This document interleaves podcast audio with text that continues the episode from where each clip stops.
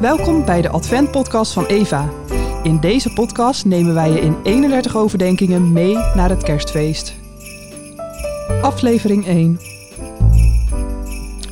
Het licht schijnt in de duisternis en de duisternis heeft het niet gegrepen. Johannes 1, vers 5 Kerst is het feest van licht. Lampjes in de boom, lampjes in de winkelstraten, lampjes overal. Waarom eigenlijk?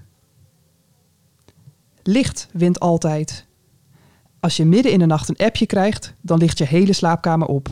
Eén enkel kaarsje maakt een hele kerkzaal zichtbaar. Geen nacht kan het tegenhouden, geen duisternis heeft het gegrepen. Licht gaat altijd door.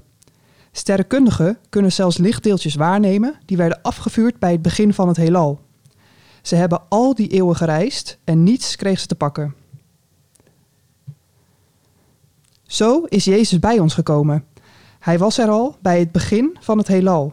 En hij heeft al die eeuwen doorgereisd tot hij eindelijk bij ons arriveerde. Toen was hij, nou ja, een beetje zoals een oplichtend mobieltje op je slaapkamer.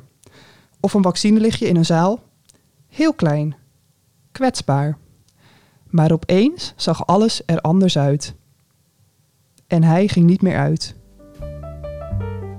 Wil je blijven genieten van podcasts zoals deze? Ga dan naar eva.eo.nl slash abonnee en steun ons.